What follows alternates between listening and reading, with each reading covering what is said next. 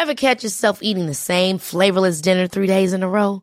Dreaming of something better? Well, HelloFresh is your guilt-free dream come true, baby. It's me, Gigi Palmer. Let's wake up those taste buds with hot, juicy pecan-crusted chicken or garlic butter shrimp scampi. Mm. Hello Fresh. Stop dreaming of all the delicious possibilities and dig in at HelloFresh.com. Let's get this dinner party started. Ryan Reynolds here from Mint Mobile. With the price of just about everything going up during inflation, we thought we'd bring our prices down. So to help us, we brought in a reverse auctioneer, which is apparently a thing. Mint Mobile unlimited premium wireless. Ready to get 30, 30, bit to get 30, bit to get 20, 20, 20, bit to get 20, 20, bit to get 15, 15, 15, 15 just 15 bucks a month. So, Give it a try at mintmobile.com slash switch.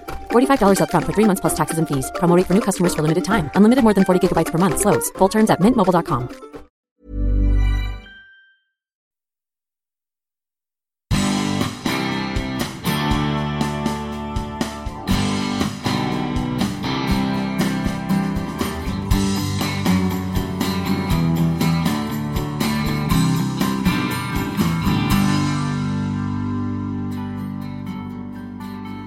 Alltså hela mitt liv var ju helt plötsligt ockuperat av tvätt och mat som ska göras och handlingar och storhandlingar och möss som de där katterna släppa in som sprang i sängen på natten och det fanns ett antal artiklar som i princip uttryckte åh stackars lilla Kristina kunde inte få barn så då sprang hon genom Iran istället. Bara, skulle du ha sagt samma om en manlig äventyrare? Om jag lyckas ha 100 av 100 på provet så kan jag undvika att få pisk. Inte att jag skulle vara bra, utan att jag bara undviker att vara dålig. Och leva med den... Nej, fy fan. Kristina Paltén trodde att alla människor utbildar sig, skaffar ett jobb, en partner, skaffar barn, lever i en villa, klipper gräset och sen dör man någon gång när man fått barnbarn. Ända tills stora delar av hennes liv havererade. Kristina är mest känd som ultralöparen som sprang ensam genom Iran för några år sedan. I det här avsnittet snackar vi dock inte om löpning, utan mer om att kunna titta på en vattendroppe i en timma. Hur man kan hantera rädslor med Excel och varför tillit är så viktigt när man möter en främmande kultur. Men framförallt så pratar vi om hur man hanterar livet. Välkommen till ett eftertänksamt, reflekterande och lite långsammare avsnitt med livsfilosofen Kristina Paltén.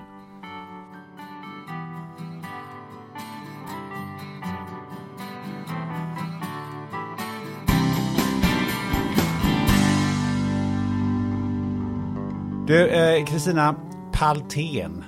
Jag blir ju grymt nyfiken på det efternamnet. Det förstår jag. Ja. Ja. vad kul att du reagerar. Ja.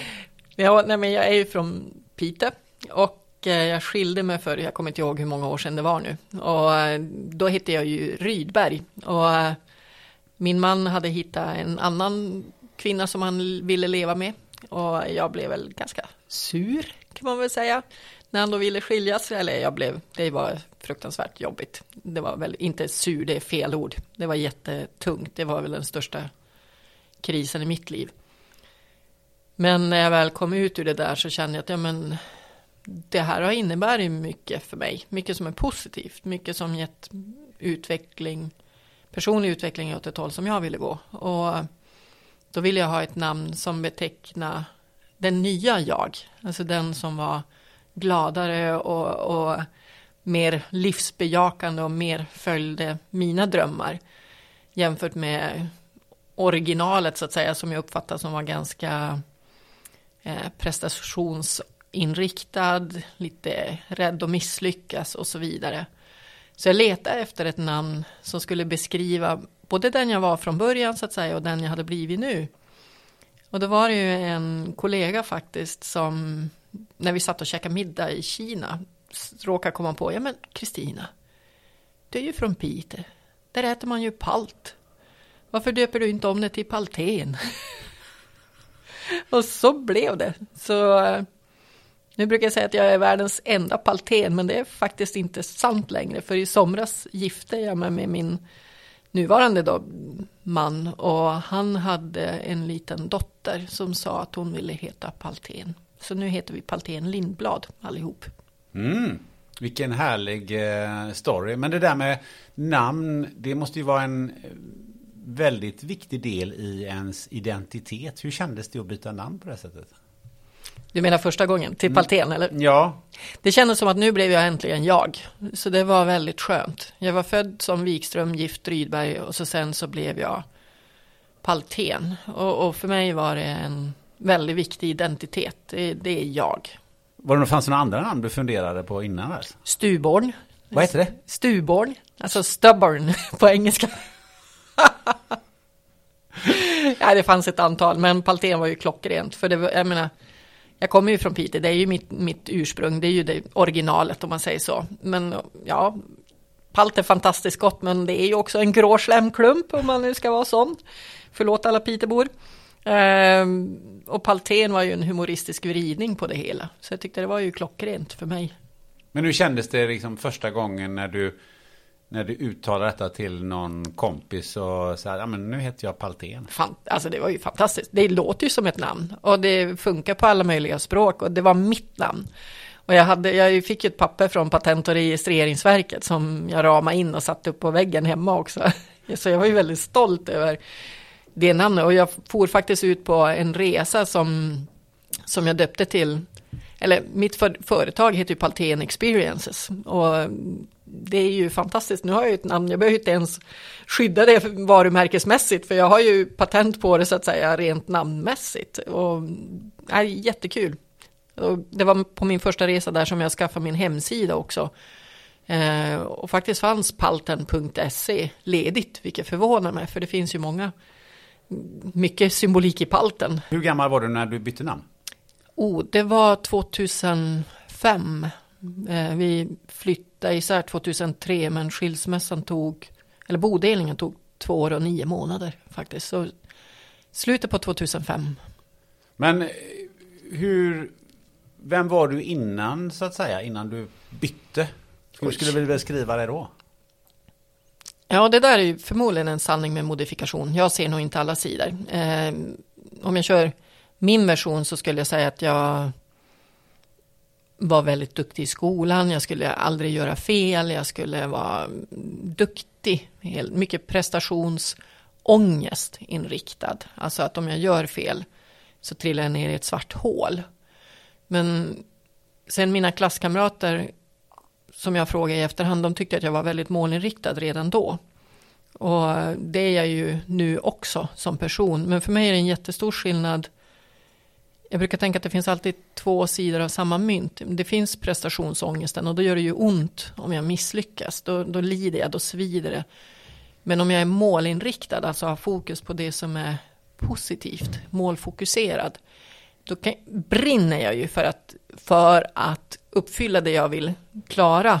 Och det skulle jag säga är mycket mer baserat på, ja men jag vill klara det här bara för att jag vill klara det. För att jag älskar att göra det, för att jag vill leverera, för att jag tycker det är så otroligt kul. Och, och i den varianten så finns det ju inte att trilla ner i ett svart hål och, och ligga och gråta och att det svider. Så att säga, om jag misslyckas. Utan, okej, okay, gick inte. Hur ska jag försöka nästa gång då? Men eh, var det skilsmässan som gjorde att du kom eh, fram till det som du just säger att du den här förändringen från att eh, prestera och ramla i ett svart hål till att faktiskt vara målinriktad? Den bidrog väldigt mycket faktiskt utifrån att jag insåg, jag menar där stod jag 32 år gammal, jag hade misslyckats med mitt äktenskap, jag var sjukskriven på grund av utbrändhet, vi kunde inte få några barn. Um, jag hade jag misslyckats med min karriär, med min familj, med familjen jag tänkte skapa, med, med allt. Och det var liksom det som var viktigt för mig, framförallt den mannen jag var gift med då. Men det sket sig ju. Och så upptäckte jag, men vänta nu. Här står jag och lever. Och fortfarande, och mina föräldrar finns kvar, syrran är kvar, hennes barn är kvar, mina vänner är kvar. Alltså det finns ju jättemycket att leva för. Jag har misslyckats med allt. Och jag var inte så dålig, alltså folk är ju kvar. De tycker inte jag är dålig fast när jag misslyckas. De älskar mig i alla fall. Men nu blir jag lite nyfiken så här. Eh, Nu sa du misslyckas ett antal gånger. Ja. Men, men att man skiljer sig. Mm. eh, Att det som hände som, som du beskriver. eh, Att inte kunna ha barn och vara utbränd. Är det verkligen att misslyckas? Mm. Jag tänker på det i förhållande till om jag står och skjuter en basketboll in i en, försöker träffa en korg. Och så kan jag säga så här att Okej, den gick inte in i korgen, då misslyckades jag med det. Och så kan jag Mm. ju träna på att jag ska bli bättre på det. Men det måste ju onekligen vara jäkligt svårt på att träna på att man ska bli bättre på att eh, få barn, man ska bli bättre på, att, Mm. eh, på, på, på äktenskapet eh, och kanske på jobbet också kanske man kan träna. Men, men det, Mm. det känns som att misslyckas har lite olika betydelser. Jo, det har det ju. Och det, jag på säga, det finns många filosofiska diskussioner kring det där och det är jätteroligt. Men dels, det första jag tänker på när du säger så, det är ju kontroll. Att jag ville ha kontroll över mitt liv. Och när jag inte kunde ha det så ansåg jag att jag hade misslyckats. Och det var min skyldighet att lyckas på något sätt. Och det har jag För insett- vem då? för mig, gentemot mig. Och det förstår jag nu att jag levde sätt, livet på ett sätt som, som jag inte mådde bra utav. Och som faktiskt nu med den filosofi jag har nu eh, så kan jag tycka att den filosofin, den gamla, alltså den med kontroll, att den var den var ju inte speciellt livgivande, den var ju ganska jobbig och tråkig. Sen har jag ju också bytt misslyckande till att ja, men, det enda misslyckande som finns, om man säger så, vilket jag också kan ifrågasätta, det är ju att, att inte pröva egentligen. Att, att jag vill göra någonting i mitt liv och så prövar jag inte. Men om det funkar eller inte funkar, det är inte det viktiga. Men däremot att, att pröva. Att bli egen företagare, att springa ett lopp eller vad det nu är, bli politiker, göra det jag känner för. Menar, det enda misslyckandet jag kan se det är egentligen ligga på dödsbädden och ångra att jag inte prövade. Men att om man nu säger vardagligt misslyckande, jag, jag klarar inte provet i skolan eller jag gjorde ingen bra utredning eller uppgift på jobbet. Nej, men det är inte ett misslyckande, det är ju ett lärande. Alltså att okej, okay, det här blev inte bra. Hur kan jag ändå göra bättre? Och jag, tänkte, jag, jag satt eh, världsrekord på löpband i 12 timmars löpning först. Och ett grej som jag inte misslyckades med, men gjorde fel. Nu med att säga att vad, vad gjorde jag bra och vad kan jag göra bättre? En grej som jag kunde göra bättre var att när jag hade passerat det gamla världsrekordet så tappade jag motivationen till att fortsätta springa vidare. Och grejen är ju att komma så långt som möjligt på 12 timmar. Och när jag passerade det gamla världsrekordet och jag fortfarande hade två timmar kvar att springa, då försvann motivationen. Då la jag mig ner och, och förlorade en kvart när jag egentligen hade önskat att jag hade sprungit fler kilometrar för att göra världsrekordet bättre. Och det lärde mig då till nästa gång när jag ville sätta världsrekord på 48 timmars löpning på löpband. Alltså komma så långt jag bara kan då på 48 timmar. Att okej, okay, det gamla världsrekordet är 310. Men det är inte 310 jag ska slå. Utan det fanns ju ett finskt manligt nordiskt rekord. Var det ju. Eh, på 318,54. Men då ska jag ju slå det också. Och så för att vara riktigt säker på att slå det så ska jag springa 322 tänkte jag. Så att då lärde jag mig att, att jag behöver sätta målet innan jag börjar så att säga. Så att det är så pass långt bort att jag har en motivation till att fortsätta även när jag passerar det egentliga målet som var att slå damernas världsrekord. Men då tänker jag att om du då la av där någonstans vid 322 mm. och så kanske du efteråt säger om jag hade kunnat springa 325 så är det också mm. ett, en motivation som då har försvunnit efter de här 322. Japp, och det där är ju jättespännande faktiskt. För jag undrar, för det första så tänker jag på människans kapacitet. Alltså, jag tror ju, vad ska jag säga, när jag håller mina föreläsningar så märker jag att det är väldigt många människor som inte vet att en människa kan springa 32 mil i ett streck i princip. Och bara att få veta det, då händer det ju någonting. Att oj, vänta nu, vad är vi för varelser, vad kan vi klara? Och det gäller inte bara löpning utan det gäller ju alla möjliga saker. Så den är ju häftig. Sen kan jag undra, men hur, vad är en bra målsättning då? Eh, det jobbigaste lopp jag har sprungit det är sex dagars löpning. Och då har det varit att jag och några kompisar, vi har åkt till Ungern och så har vi sprungit runt, runt, runt på en 926 meter lång bana på en ungersk campingplats och så ska man springa i sex dygn och komma så långt man kan. Ja, det är, det är fruktansvärt kan man väl säga, men bjuder på många upplevelser. Ursäkta att jag ler. Men... Ja, det är helt okej. Men, men det längsta jag kommit där, det är 72 mil. Alltså jag har sprungit 12 mil per dag. Och det är svårt att förstå fastän jag har gjort det så kan jag inte riktigt förstå att jag har klarat det. Och jag kan inte förstå att jag har sprungit 32 mil på 48 timmar heller på ett löpband. För löpband är väldigt slitsamt för kroppen när man håller på så länge. Och hur skulle då min hjärna kunna sätta upp ett nytt mål som är relevant så att säga när jag inte ens förstår vad jag har gjort. För jag tror ju att hade jag satt målet 326 till exempel på 48 timmars, då hade jag gjort det. Och just att jag säger 326, det är för att jag tyckte det hade varit coolt om jag hade tänkt på det innan, att springa 10% av den sträckan som jag och Karina sprang när vi sprang från Turkiet till Finland. Då sprang vi 326 mil, så 326 kilometer hade ju varit lite roligt och det tror jag jag hade gjort om jag hade satt det målet från början. Men att göra det när jag är i timma 40, dödstrött och bara är glad för att klara 322, det funkar inte riktigt. Men det är lite roligt hur våran hjärna, ja vad ska jag säga, både begränsar och hjälper oss. Hade jag satt 326 hade jag gjort det. Du, nu blir det många kilometrar och många mil. Och eh, vi, eh, vi måste ändå ta oss tillbaka till där det här med löpningen började. Eh, när, när upptäckte du löpningen och varför då? Det var en kompis som ringde mig och frågade om jag ville springa Tjejmilen när jag var 31 och jag hade aldrig sprungit innan dess. Och apropå mål så tycker jag det är spännande också. Det fanns aldrig någon tanke om att jag skulle bli en långdistanslöpare. Utan det var ju Tjejmilen och så gjorde jag det och så var det roligt och då ville jag springa mer. Och det där kan jag tycka är en skönhet också att ja men bara ta steg efter steg och se vart jag hamnar. Sen råkar jag bli långdistanslöpare eller ultralöpare som det då heter. Ultra är ju allt som är längre än maraton. Men det var ingen målsättning då. Och jag kan tänka, hade jag haft målsättningen att bli ja, så pass extremlöpare som jag blev eh, när jag var 31, då hade det nog aldrig skett, för då hade det varit, då hade det varit för jobbigt, det hade låtit för långt borta. Vad jag förstår så uh, när du upptäckte löpningen genom den här uh, tjejmilen så var det lite i, i samband med det som du berättade innan mm. med, med ditt äktenskap och, och, det livet som du hade då. Vad, vad kände du när du sprang? Om man säger, Tjejmilen var faktiskt året innan allting hände med skilsmässan. Så just när jag sprang då, då var det ju bara wow, shit, jag kan springa och jag kan springa lika fort som min kompis.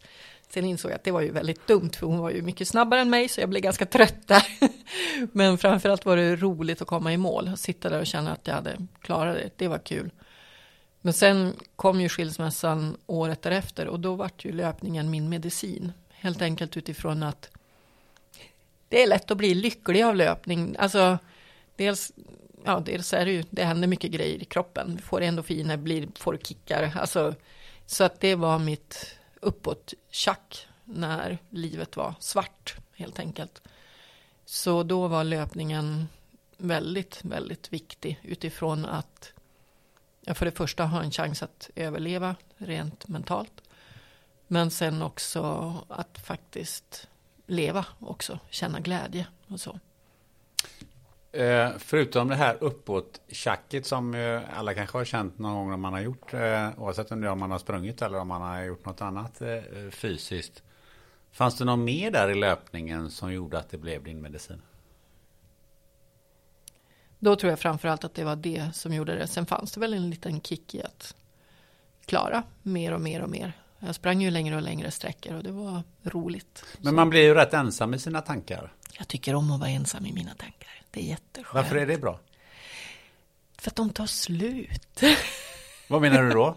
Nej, men om, jag, om jag springer ett långpass. I början så handlar ju långpassen om att klara av att springa långt. Men sen när det inte riktigt var en dimension längre, då insåg jag, men vänta, det jag gör här, det är att jag bara springer och tittar och bara upplever. Alltså i början så åker tankarna runt omkring i huvudet och sen kläcker jag mycket bra idéer på löppass. Alltså när jag inte aktivt försöker komma på idéer, då kommer ju idéerna. Men vid två timmar eller något sånt där, då tar ju tankarna slut faktiskt. Och då, är, då bara är jag närvarande. Och det är jätteskönt att se nypon med frost på. Jag ser, alltså, jag är ju med i allt som händer i naturen, i årstidens växlingar, i, alltså, det blir närvaro. Det, jag brukar säga att det, det är min meditation. Och när jag ett antal år senare inte kunde springa eller inte fick springa, så det jag saknade mest, det var inte löpningen, utan det var meditationen som blev utav att springa. Men menar du att efter ungefär två timmar så försvann de här svarta tankarna? Och jag menar allmänt, alltså, så är det ju nu också. Nu mår jag ju bra och är för det mesta väldigt nöjd med mitt liv. Och, men just det att inte ha tankar, det är så skönt. Bara slippa det där chattret som ofta pågår inne i huvudet för min del. Vad är det för chatter? Är det, ehm, har det att göra med mycket intryck utifrån eller? Jo, men jag tror det. Och att begränsa. Jag var på en Vipassana-kurs. Det var väldigt spännande. Vad, så, vad, vad var Vipassana, det, det är tio dagars meditation. Där du mediterar 10-11 timmar per dygn. Du får inte titta en annan människa i ögonen. Du får inte prata. Du får inte ha umgänge med någon annan. Liksom, du är bara, bara, bara innesluten i din egen värld. Och då var det väldigt spännande att se hur mycket jag upplever att jag trasslar in mig i andra människor. Alltifrån att oh, nu såg den där människan lite bekymrad ut, nu kanske jag ska fråga hur den mår, eller nu kanske jag ska säga någonting artigt, eller nu kanske jag, ja, för att, alltså allt sånt där, det, det, är ju borta liksom. Det är bara, bara jag och min egen inre värld. Och då inser jag att det är, jag har så otroligt mycket fantasier om andra. Och att det är så mycket som egentligen bara hänger ihop med mig och inte med någon annan alls. Och eh, det är väldigt befriande på ett sätt och jobbigt att se det. Och då undrar jag, tillbaka till löpbandet då. Eh, varför ställde du dig på ett löpband? För där har du inga mm. frostnypna eh, nypon, utan möjligtvis ett svettigt gym. Mm. Ja, och det, ja, det är ju inte alls den mysigaste miljön så, även om vi gjorde vårt bästa för att det skulle vara svalt i alla fall, eftersom jag svettas rätt grymt på ett löpband. Där handlar det om utmaningen och egentligen att vara allt jag kan vara, att verkligen leva fullt ut. Och varför, jag menar, jag tror att jag kan sätta det här. Varför skulle jag inte göra det? det, det it's there, liksom, do it. Det, ja, men bara överträffa sig själva. Alltså utifrån att bara, wow, titta, jag kunde det här. Och det blev det ju faktiskt. Jag vet att det var 68 personer som sprang med mig, som sprang på löpan bredvid liksom, för att peppa mig. Och jag kommer inte ihåg hur många det var som satte personliga rekord. Och just det här att en människa får uppleva, shit vad jag kan, vad jag är kapabel. Det unnar jag så många människor, alltså alla människor, verkligen. För att, att tro och veta att jag kan oändligt mycket. Dels är det ju otroligt livgivande för mig som person. Men sen är det ju också att, ja men vilket ansvar vill jag ta för det samhälle jag lever i? Om jag upplever mig själv som vek och att ingen bryr sig om vad jag tycker eller säger eller vad jag gör, ja men då är det ju lätt att bara, oh, nej det var ingen mening med att leva eller vara här överhuvudtaget. Men, men det är ju vi som skapar samhället tillsammans. Så om varenda människa tänkte bara shit vad jag är kapabel och det här vill jag bidra med. Det skulle vara guld, tycker jag. Men det, det, det finns ju någonting som är lite motsägelsefullt här för att eh, Å ena sidan så, så eh, springer du eh, i skogen och du är eh, själv och du gör det egentligen utav att, att bli helad och, och, och att må bra.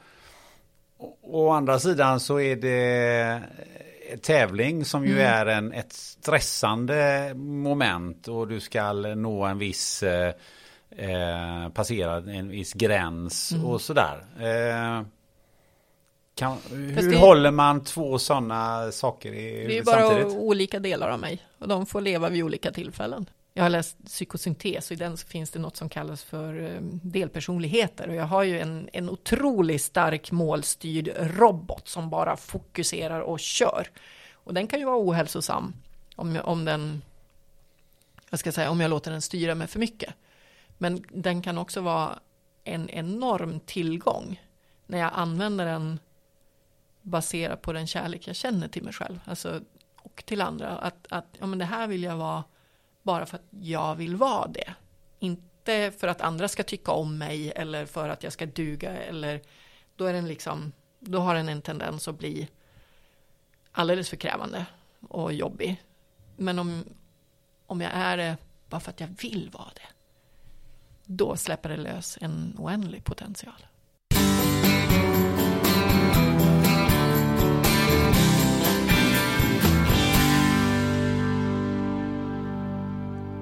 Den här podden den sponsras av Life Genomics, ett kliniskt laboratorium i Göteborg som bland annat erbjuder covid-tester. Har du precis bokat en resa på kort varsel och behöver PCR eller antigentest för covid-19? Ja, då kan du gå in på coronapassport.se för att hitta en vårdgivare i din närhet och boka en tid för test och friskhetsintyg. Life Genomics har samarbete med ett 150-tal kliniker över hela Sverige. Och om du reser från Arlanda eller Landvetter så kan du nu även testa dig direkt ute på flygplatsen vid Life Genomics Lab i samarbete med vårdgivaren Express Care. Där kan du få ett antigentest med reseintyg inom 30 minuter och ett PCR-test och reseintyg inom 2-4 timmar. Så, gå nu in på expresscare.se och boka din tid direkt. Tack, Life Genomics!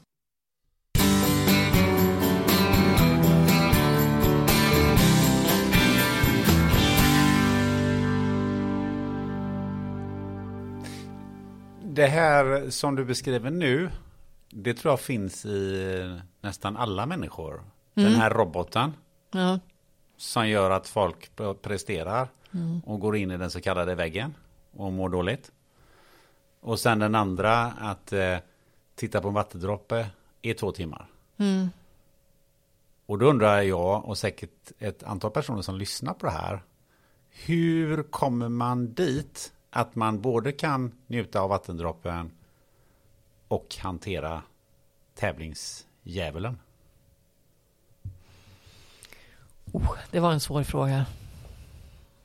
Och det där tror jag, jag gissar att det är individuella svar på den. Att vi är, Men vad, vad tror du utifrån din utgångspunkt? För min del. Mm. Du kan ju bara utgå från dig själv. ja. Jag känner ju i min mage när det börjar bränna, så att säga. Då har ju tävlings, eh, eller den målsökande roboten, då har ju den fått haft övertaget för länge. Och då säger jag till mig själv att okej, Kristina, nu behöver du vila. Eh, hur gör du det? Eller också så säger jag att vänta nu, just nu är det inte tid för att vila, för jag vill uppnå det här. Jag får skjuta upp vilan till senare och då kommer det att kosta. Och jag kommer att Får behöva ta igen mig mer. Så egentligen väldigt mycket självreflektion. Alltså, till exempel när jag, när jag började jobba som egenföretagare och som föreläsare så, så är det ju ganska exponerat ändå att, att stå på scenen inför kanske 300 personer eller 50 eller 1300. Det kan ju vara allt möjligt. Och att ha allas ögon på sig och alla förväntar sig att få någonting utav mig. Och att då lyckas berätta det jag berättar i kärlek, inte i prestationsångest. Och eh, samtidigt, oavsett hur jag berättar det, så blir jag trött. För att jag är exponerad och jag tycker det är ganska bekvämt att bara sitta i min kajak. Eh, för att då skulle jag, jag skulle kunna göra mina föreläsningar så bra som jag ville och faktiskt verkligen beröra människor. Så beordrar jag mig själv att du ska paddla kajak en gång, en helg varje månad. Punkt. No objections. liksom. Så där satte jag ju upp ett strikt schema för mig själv. Ut och paddla en gång i månaden. Punkt. Inga, bara gör det. För jag visste att jag mådde bra av det. Um, men annars så är det ju också att ja, men känna efter hur mår jag just nu? Vad behöver jag nu? Och se till att göra det då. Om jag inte kan göra det, nej, när, ta det sen. Eller det känns som du har skaffat dig en bromspedal.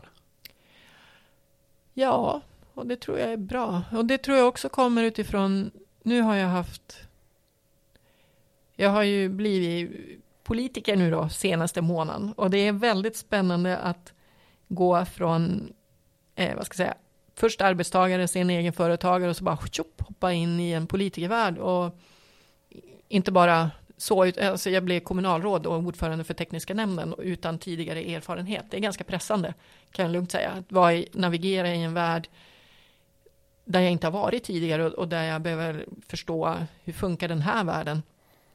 Eh, men nu igår faktiskt så, så åkte jag till min egen lilla stuga där det bara är jag för det mesta.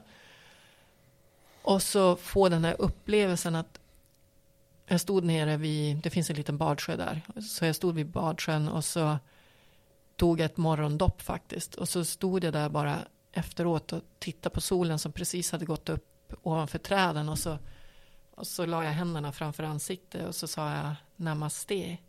Och det betyder egentligen det gudomliga i mig hälsar det gudomliga i dig. Och så kom insikten, men vänta nu.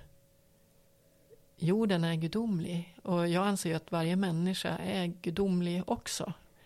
I den bemärkelsen att vi har en kärna som verkligen är jag.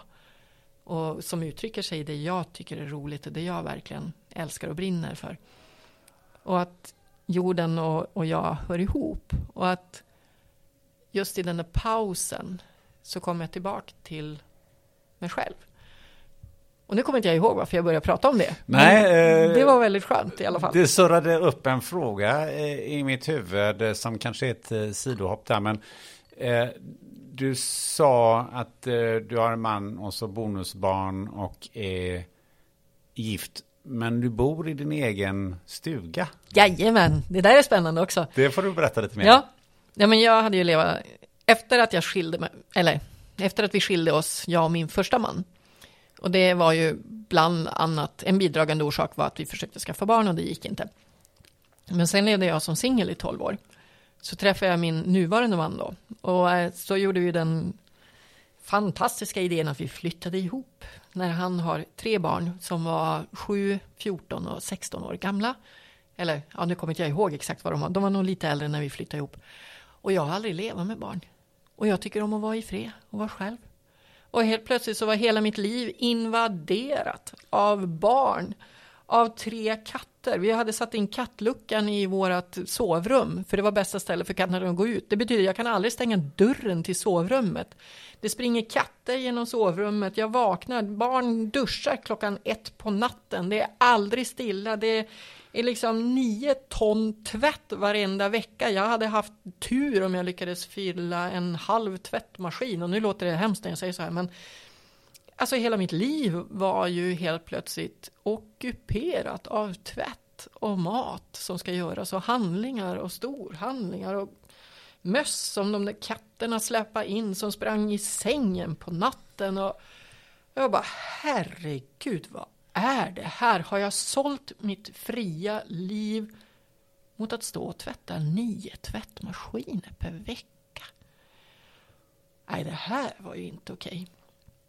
Så eh, det var ganska jobbigt, men och så är det ju jättemycket rollsökande. Ja, men vem är jag? För jag vill ju, menar, min man, nuvarande man då, eller, det var ju han som jag gifte mig ändå till slut med. Och, då, och då, då säger han första veckan vi bor ihop att ja men du, Eh, kommer du hem i normal tid till middagen? Och jag blev ju jättearg och bara, vadå normal tid till middagen? Jag kommer hem när jag, när jag, när jag vill, jag gör som jag vill.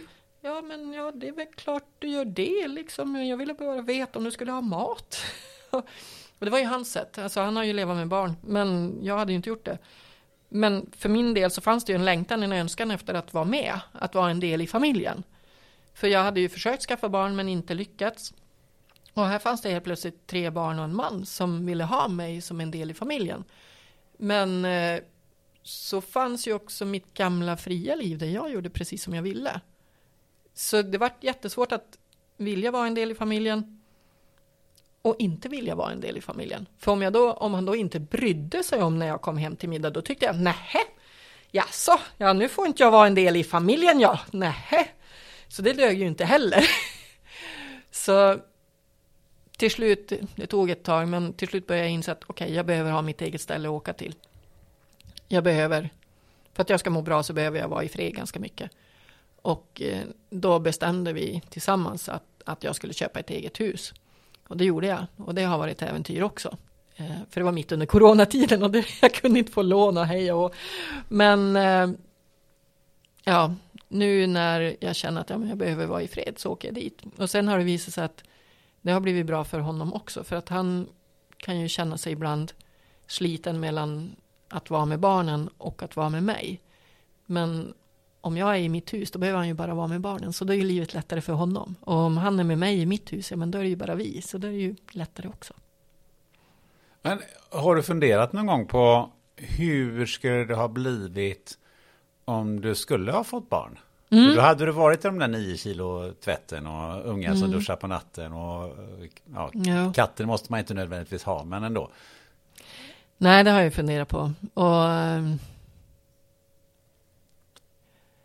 genom att det blev den där resan med skilsmässan och inga barn så upplever jag att jag har fått ett liv som jag tycker är mycket mer värdefullt. För jag har blivit tvungen att välja. Jag var ju inställd på att, ja men vadå, alla människor utbildar sig väl, skaffar ett jobb, träffar en partner och skaffar barn, lever i en villa och så klipper man gräset och så dör man någon gång. Efter man kanske har fått barnbarn. Typ. Det var så jag trodde att livet skulle vara. Men det där var ju inte mitt val, utan det var ju bara så som jag uppfattat samhället funkar och så ska jag i citationstecken leva. Men nu när jag inte kunde leva som jag hade förväntat mig av mig själv utifrån projicerade bilder egentligen, så blev jag ju tvungen att välja. Och då valde jag ju ett liv som passar mig och som passar min personlighet. Och jag hoppas ju någonstans att om jag hade fått barn så hade jag förhoppningsvis både få uppleva den oändliga kärleken i en mamma-barn-relation. Och då menar jag kärlek från mig till barnet och även barnet till mig. Det kan jag känna en sorg över att nej, jag kan nog inte förstå och inte uppleva den. Jag kan ana vad det är och jag kan önska att jag skulle ha fått uppleva den.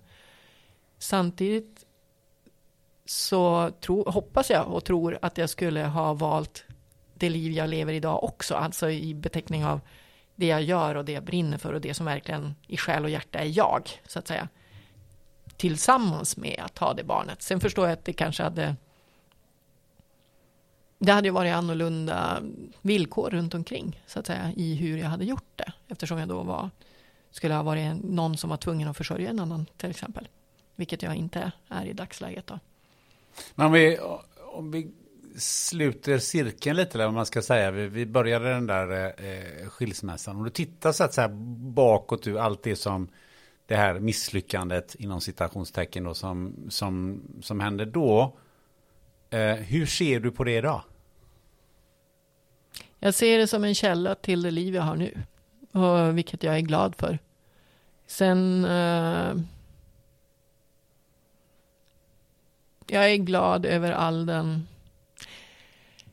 Där är en frå svår fråga, tänker jag. Jag upplever ju att ofta att smärtfulla upplevelser ger stor personlig utveckling. Och ibland kan jag undra, kommer det personlig utveckling utan smärta? Jag skulle ju önska att det gör det och jag tycker att det gör det till viss del. Samtidigt just en livskris boostar ju verkligen personlig utveckling. Och det är jag glad för och tacksam för. Så ja, det var jobbigt.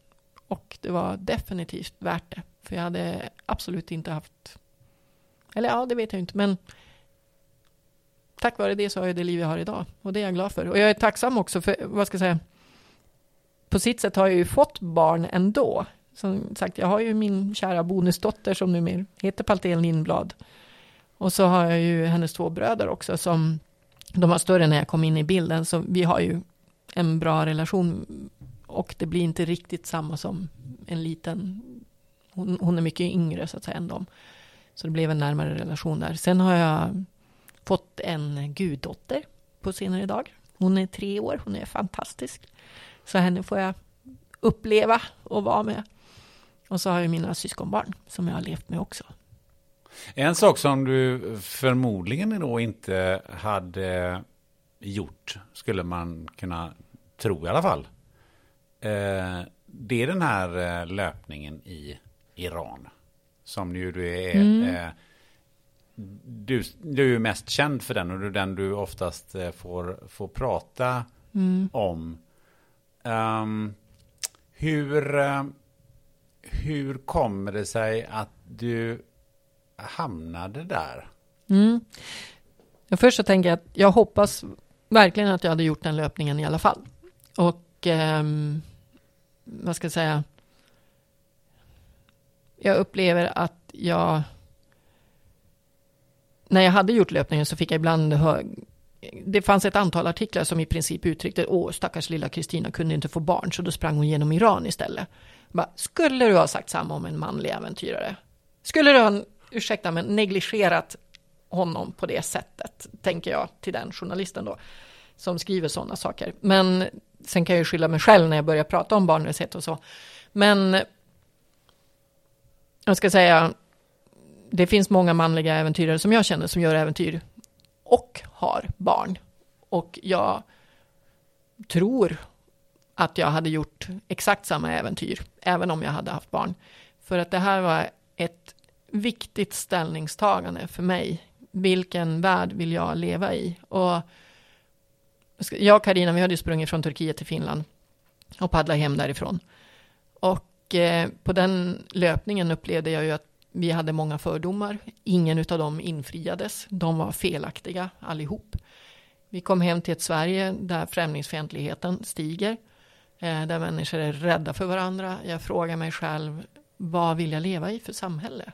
Jo, jag vill leva i ett samhälle där vi känner tillit till varandra, där vi känner kärlek, där vi är vänliga med varandra, där alla får existera precis som de unika gåvor och människor som de är. Oavsett politisk åsikt, hudfärg, whatever. Och eh, det här var ett experiment för min del. Och att, för jag upplevde att det, det fanns en stor rädsla mellan västvärlden och islam egentligen.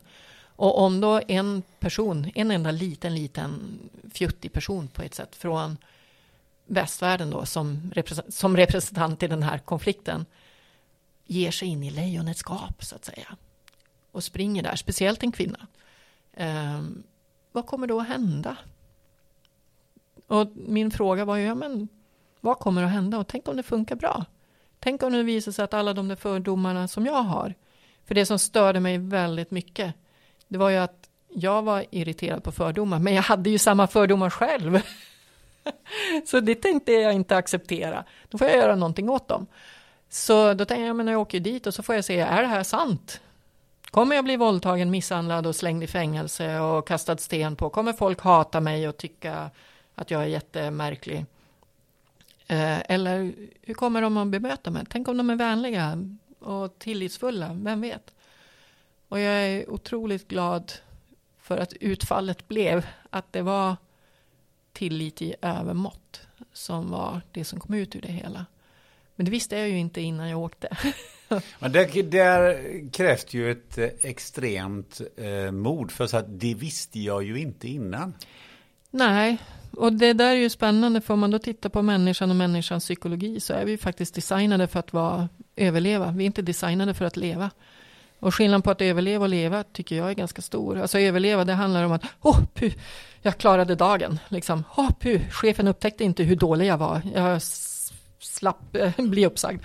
Nej, men alltså, det är att överleva. Och det är rädslobaserat. Och hjärnan är fem gånger mer känslig för rädsla. Det visar neurovetenskap. Eh, och jag tänker på, jag ska säga, sen psykosocial, alltså socialpsykologi säger ju också att vi tenderar att vara rädda mot, gentemot andra grupper. Och det spelar ingen roll vilken den där andra gruppen är. Finns, jag menar, om jag sätter folk med orangea skjortor och folk med blå skjortor så kommer den, den gruppen med blåa skjortor faktiskt att bli rädd för dem i orangea skjortor till slut, fast det finns ingen grund. Och så funkar vi människor, och så funkar vi oavsett vart vi är i världen. Men är det då civiliserat att göra mina beslut och bete mig utifrån den rädslan? Det är inte civilisation i min mening. Civilisation är att kunna se igenom min egen rädsla och styra mot det jag står för. Och jag vill stå för vänskap, jag vill stå för kärlek. Jag vill stå för varje människas både möjlighet och rätt att vara sig själv. För det är då jag anser att, att vi mår bra. Och jag tänk, jag, um, jag antar att du mår bra av att göra den här podden för att du tycker det är roligt. Och när du mår bra, ja men då, då skickar du ju positiva signaler till alla andra runt omkring. Och tänk om alla människor gjorde det, vilket samhälle skulle vi ha då? Så... Ja. Men det är det här med modet, för att mm. du måste ju ändå någonstans innerst inne trott på att du inte blir stenad eller att du inte mm. blir våldtagen. Ja. Och det måste ju tagit avstamp i någonting då. Ja, och det där är jätteviktigt och jättespännande för att det som var osynligt, det är ju att det är ju just så det är. Hade, jag, hade rädslan, alltså den, det medvetna var ju att rädslan var ganska stor. Jag skrev ju ner alla rädslor. Jag var rädd för 22 stycken olika saker, så det har jag på papper liksom. 20, vänta lite nu, 22 stycken olika ja. saker, exakt så? Ja, precis. Sen fast annat Hur rutar man in Man får väl ha lite. Kan du, där, kan du utveckla det? Ja men, ja, ja, men jag bara skrev ner i ett Excelblad vad jag var rädd för och så, och så satte jag poäng på dem. Vad är jag mest rädd för? Och det är egentligen, alltså okej. Okay. Du är ingenjör va? Ja, och jag är nog lite enkelspårig ibland, tror jag. För jag följde ju upp dem också som sagt och, och så sen så graderade jag om dem längs vägen för att se, sätta, satte jag poäng på dem längs vägen också för att se hur det där varierar. Så printade jag det i Excel och när jag kom hem såklart för att se vad som hade hänt. Så det är jätteroligt att se hur rädslorna varierar och det är ett sätt att översätta jag ska säga, känslor till mer konkret data. Vilket jag tycker är jättespännande. Och just det där Alltså skillnaden i att observera rädsla och att vara min rädsla är jättestor. Att jag säger, okej, okay, nu är du rädd Kristina. Du är skiträdd för det här. Men du vill ju göra det ändå. För att det var så mycket värt för mig. Och där, i den processen så fanns väldigt mycket också att jag fick skilja på min rädsla och andras rädslor. Ehm, min syster till exempel var ju väldigt rädd att jag skulle inte komma tillbaka hem. Och det hon var egentligen rädd för då, det var hur tar hon hand om min mamma och pappa? Om de får uppleva att deras dotter inte kommer hem igen. Samtidigt säger jag, ja men det är min systers rädsla. Inte min. Min värdering, mitt fokus är det jag vill skapa i världen. Alltså en värld med mer tillit och mer kärlek och öppenhet. Ehm, då kan ju inte jag skita i att åka för att min syster är rädd. För hon ger ju uttryck precis för det jag vill motverka. Men jag älskar min syster och jag vill ta hand om henne så mycket jag kan. Så då gjorde jag ju en massa grejer för att hon skulle känna sig trygg. Och till exempel att jag hade en, en satellitsändare som visade på en karta vart jag var och så hade hon lösenord till den hemsidan så kunde hon se vart jag var. Och så om, då, om hon skulle se att den flyttade på sig, ja, men då fanns det en hel grupp som jag hade satt ihop med lite olika människor som skulle vidta åtgärder om jag försvann. Men eh, måste hänga kvar de här 22 rädslorna. Hur, hur utvecklades de? Vilka var de, vilka var så att säga i topp? Ja. Eh, och vilka var i botten? Mm. Och uh, vilka var i topp när du var klar med det här och vilka var i botten då? Mm. Om man tar den som var allra högst upp i topp, det var att jag skulle springa där längs vägen med min barnvagn, sätta upp mitt tält, gå och lägga mig, somna. Och så att någon person har observerat och följt mig medvetet. Och sett vart jag satt upp tältet och så krypa in i tältet när jag ligger och sover. Och då antingen för att våldta mig eller missta, misshandla mig eller råna mig eller vad som helst. Ehm, och den kan jag hantera på många sätt, alltså praktiskt, men också mentalt. Ehm, men, vänta lite, stanna i den. Vad, mm. vad, hur hanterar man det? Eh, då kan jag ju tänka, ja men bo på hotell. Alltså om jag är i en stad. Sen fick jag tipset av min kompis Amir att ja, men om du är i en by och det inte finns några hotell eller vandrarhem eller så, då kan du alltid fråga familjen, om någon familj, om, om du kan sätta upp ett tält i deras trädgård. Och då kommer de säkert att bjuda in dig också. Så jag har faktiskt aldrig sovit i mitt tält på hela den här löpningen. Så, och så sen kan jag välja, ja, men jag behöver inte ta mitt eh, självlysande orangea tält och sätta upp det så att det skriker liksom, här är hon. Utan jag kan ju ta mitt gröna tält som inte syns lika bra. Så det är den praktiska åtgärden. Den mentala åtgärden, det är ju, okej okay, om det nu är våldtäkt jag är rädd för i det här fallet. Um, ja, om jag tittar på statistik i Sverige så är de flesta våldtäkterna i nära relationer. Om jag antar att människan funkar likadant i Iran så äh, har jag inga nära relationer i Iran. Samtidigt är det jätteroligt, för att säga till en svensk kvinna som är rädd för att springa ute på kvällen när det är mörkt, att säga att vet du vad, egentligen borde du vara mer rädd för män som du har i din närhet, för det är mer sannolikt att någon av dem skulle våldta dig än att du blir överfallsvåldtagen när du är ute och springer. Det funkar ju inte. Vi funkar ju inte så. Vi är inte rationella i rädslan. Men vad ska jag säga, det rationella argumentet funkar ju till viss del. Men sen sättet att ta hand om rädslan här, det är ju att okej, okay, jag hör att det förmodligen inte är så stor sannolikhet att jag blir våldtagen eftersom de flesta våldtäkter förekommer i, i nära relationer och jag har inga nära relationer i Iran. Men jag är fortfarande rädd, för tänk om jag blir våldtagen. Ja, okej. Okay. Rädsla är en känsla. Glädje är en känsla. Lycka är också känsla. Det gör ingenting med mig annat än att det är känslor som finns i min kropp. Kan jag bara härbärgera och låta den här känslan få finnas så är det ju ingen fara. Rädsla i sig stoppar ju ingen kniv i ryggen på mig. Så där lärde jag mig också skilja på oro och rädsla. Eckart Tolle säger att rädsla finns bara i nuet.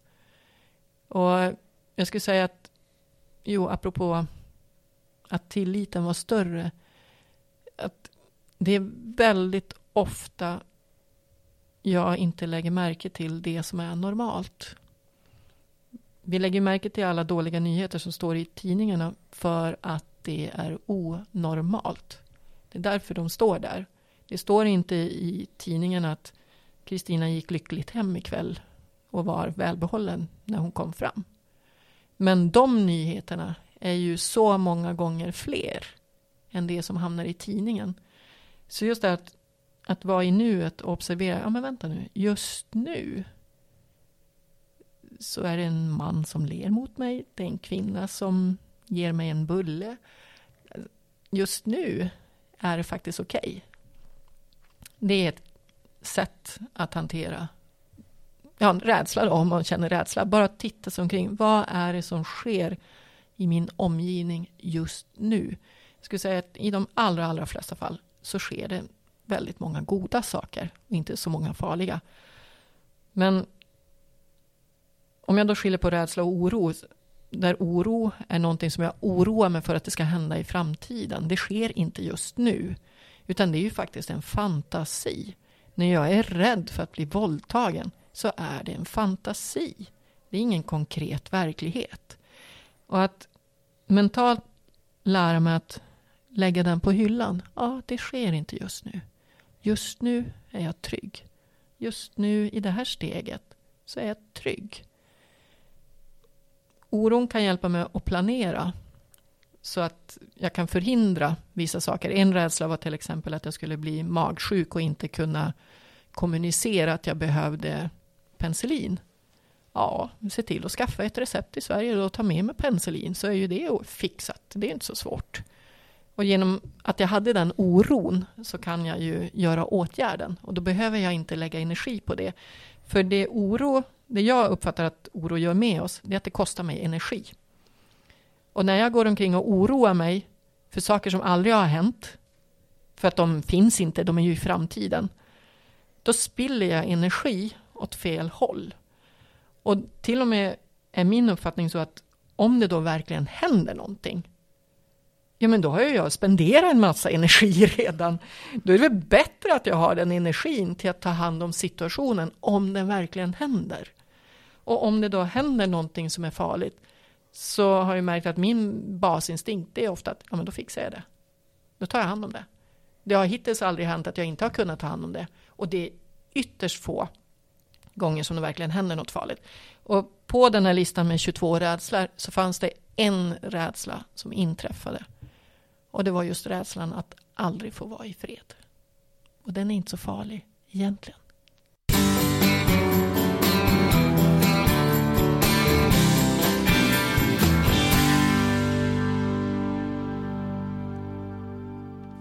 Väntar du eller någon i din närhet barn?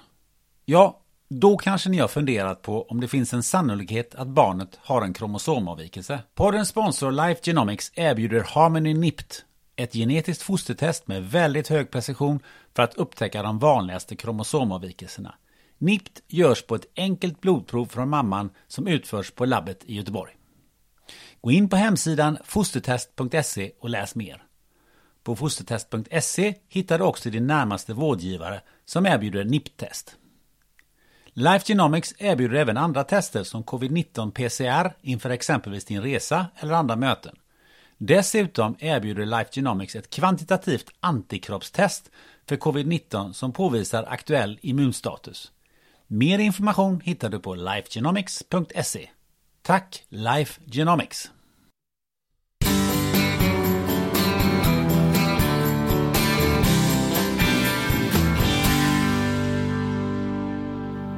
Så eh, alla de här eh, rädslorna, förutom den, var någonstans nere i, eh, jag vet inte vad du hade för diagram, men de var ganska långt ner i alla fall. Jo, de hamnade väldigt långt ner. Sen de två som steg, eller det var ju tre som steg. Det, var, det är jättekul att se det diagrammet, för rädslan att bli misshandlad, våldtagen, satt i fängelse och så vidare, de är jättehöga innan jag åker. Så fort jag kommer dit till Iran så inser jag, men vänta nu, jag möter enormt mycket vänlighet det här är en annan verklighet än vad jag trodde. Då går ju de rädslorna ner. Men det som går upp, det är ju rädslan att aldrig få vara i fred. Och det är den största rädslan under löpningen. Och det handlar ju också om att jag som person är ganska dålig på att säga nej. Och i det här fallet så ville jag ju inte säga nej heller. Jag hade ju hoppats att det skulle bli så här och det blev ju det. Men sen är det också rädslan att bli påkörd och bli skadad eller bli påkörd och dö. Och det är ju den konkreta verkligheten. Jag var ju i en trafik som var hemsk ibland. Så Sen finns det ju en rädsla som är en liten slamkrypare och det var egentligen rädslan för regimen. För att innan jag åkte så hade jag bilden att, att regimen i Iran är ytterst konservativ och kommer tycka jätteilla om vad jag gör. Eh, sen insåg jag när jag var där att ja, men regimen, det är ju, jag ska inte jämföra det med, med Sverige, men, men det finns folk med olika inriktningar. Gör jag det väldigt enkelt så kan man säga att det finns konservativa, som står för den bild som hamnar i tidningar i Sverige. Sen finns det faktiskt också en väldigt reformvänlig del. Till exempel när jag var där så var det, det finns tolv stycken vice presidenter i Iran, fyra av dem är kvinnor. En av dem jobbar stenhårt för kvinnors rättigheter. Det finns män som är fängslade för att de jobbar för kvinnors rättigheter och så vidare. Så det finns en ganska stor utbredd del som jobbar för att reformera Iran. Eh, Jo, så min rädsla när jag åkte, det var ju rädslan för regimen, men den blev faktiskt omformad under tiden och den blev först till en rädsla för människor som vill tvinga mig att leva på ett sätt som de definierar, inte som jag har valt själv. I Iran då representerat av till exempel lagen om att du ska bära slöja om du är kvinna. Om du är man så får du inte gå i shorts, du ska ha långbrallor. Du, ska, du måste täcka dina armar också, men du får ha kortärmat om du är man. Så det tycker inte jag är acceptabelt på en mänsklig nivå, att sätta sådana lagar. Och ja, tittar jag på Sverige så finns det ju faktiskt partier som vill definiera att du ska vara svensk för att få vara medlem i Sveriges nation.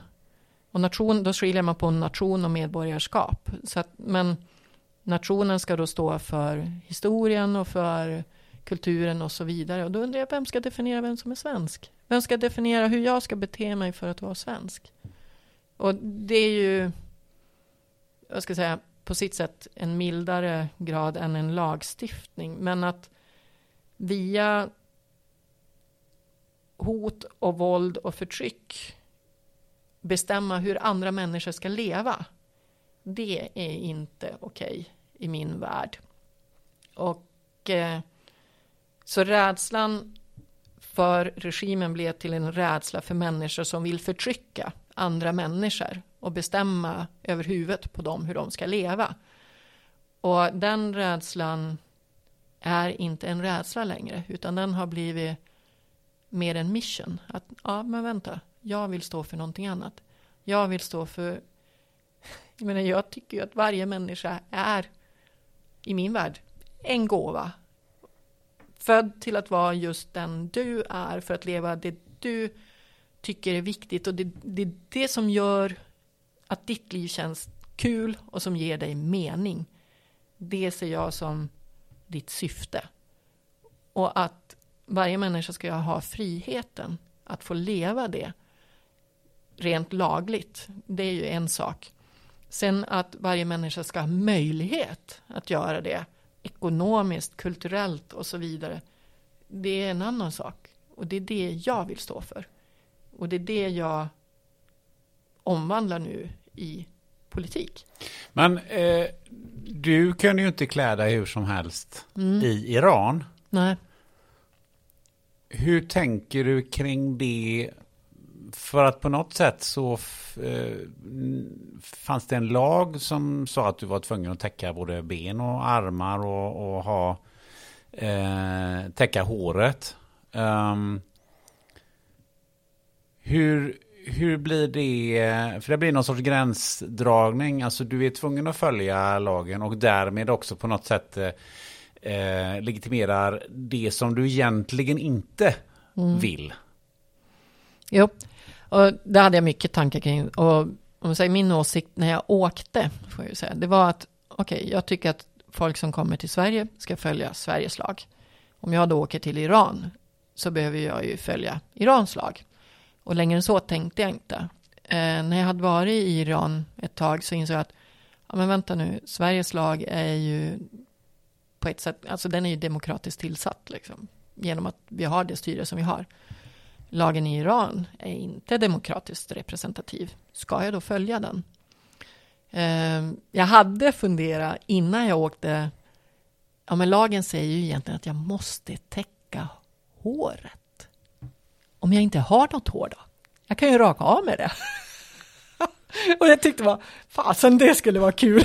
Alltså, men springa omkring i 45 graders värme, eh, ja, utan hår och utan mössa. Jag tror jag skulle ha mått ganska dåligt om jag gjorde det.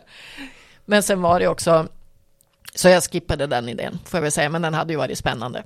Eh, jag hade också fantasier på, ja men ska jag inte åka till, till Saudiarabien istället? För det var, jag hade en kompis som brukar jobba i Saudiarabien och han sa att ja men det får du säkert göra. Fast du får en militärpatrull med det. Och så tänkte jag, ja men tänk den där bilden, här kommer en kvinna och springer genom öknen och så sitter det så här tio soldater på ett, på ett släp och tittar på. Det skulle ju vara, det skulle ju vara rätt häftigt. men eh, den skippar jag också, dels för att det är väldigt varmt i Saudi och dels för att det skulle kunna vara, äh, det är lätt för jobbigt helt enkelt. Men tillbaka till jag valde att använda en keps och det var en paddelkompis som, eller en kompis egentligen, som tyckte, men varför har du inte bara en vanlig keps? Och det är en keps då som täcker mm, ja, håret, eller nacken för att man inte ska bli solbränd i nacken. Och så satte jag upp håret i en svans. Så ja, jag täckte håret. Ja, jag följde lagen. Jag gjorde väl kanske på ett litet, ja, lite fusksätt. Men eh, vad ska jag säga, när jag är i Iran så trodde jag att min löpning kanske skulle vara provocerande. Det visade sig att den var faktiskt inte riktigt det, utan fyra olika statliga tv-kanaler har ju faktiskt visat, eller gjort intervjuer och visat min löpning genom Iran. Det tyckte jag var jättekul. Um, men min avsikt var inte att åka dit för att obstruera och bryta mot lagen och kanske råka illa ut på grund av det. Det var inte mitt syfte med löpningen. Löp, syftet med löpningen var att skapa tillit Och då följde jag lagen, även om jag absolut inte tyckte om lagen. Och sen vet jag ju numera också att det är väldigt många kvinnor i Iran och är väldigt många män som inte alls gillar den lagen också. Så jag tycker det finns anledning att ifrågasätta den. Och just då valde jag inte att göra det. En rädsla som dyker upp i mitt huvud det är ju hur i hela friden ska jag hitta? Ja, den är faktiskt jättebra.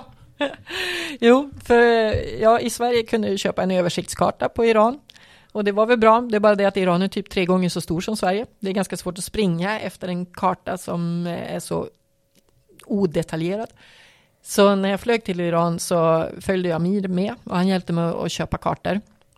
Och vi hittade detaljerade kartor över det mesta, men sen var ju de på persiska.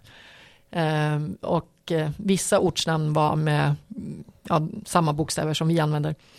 Och det var ju väldigt spännande att börja springa då och se att vägskyltar ibland bara var på persiska. Men ibland var de ju på persiska och så våra bokstäver. Jag kommer inte ihåg vad vårt alfabet heter.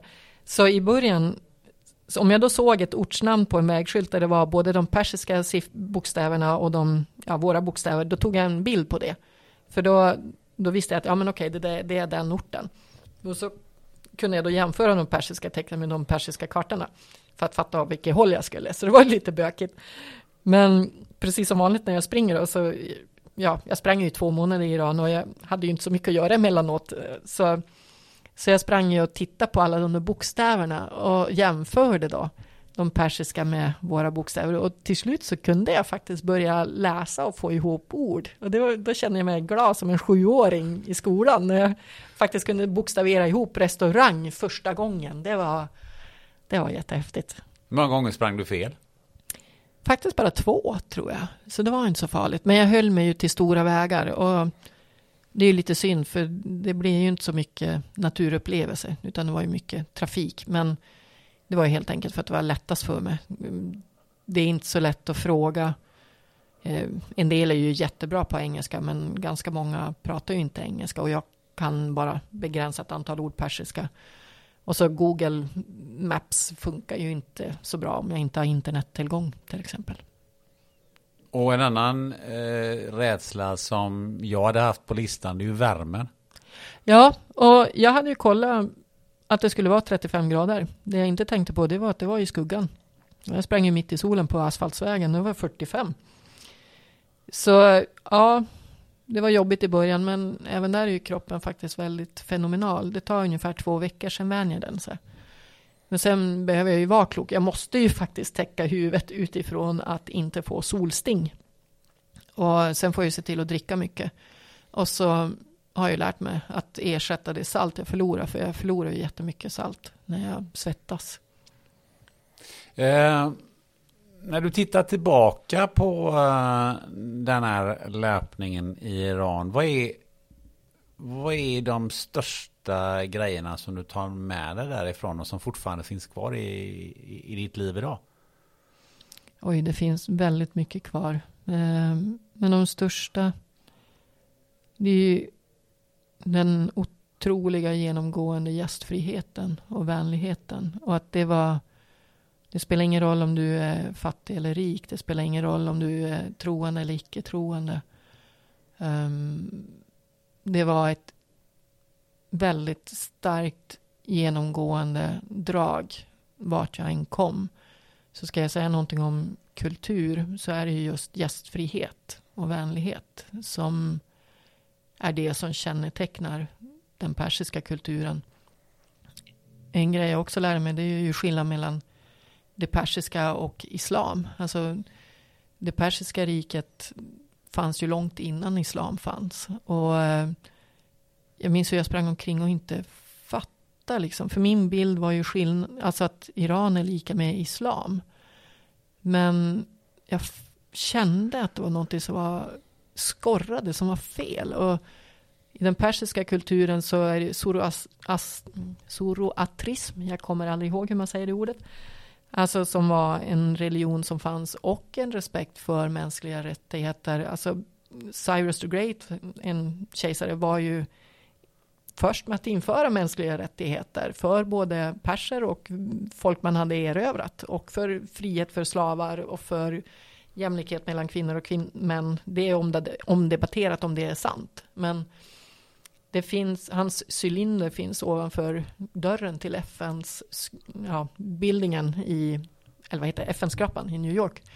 Som en av mänsklighetens första deklaration av svenska mänskliga rättigheter. Och i den där kulturen har ju väldigt många, om jag nu ser det ur ett kvinnligt perspektiv, persiska kvinnor vuxit upp med att de är jämlika, att de är starka och det är de. Alltså många är fruktansvärt starka. Jag, ja, när jag hade sprungit klart så bjöd ju svenska ambassaden in till en fest och där fick jag träffa enorma fantastiska kvinnor som var företagsledare, som har skapat koncerner och så vidare. Och som gick omkring i kika små klänningar och drack vin. Och superduktiga företagare.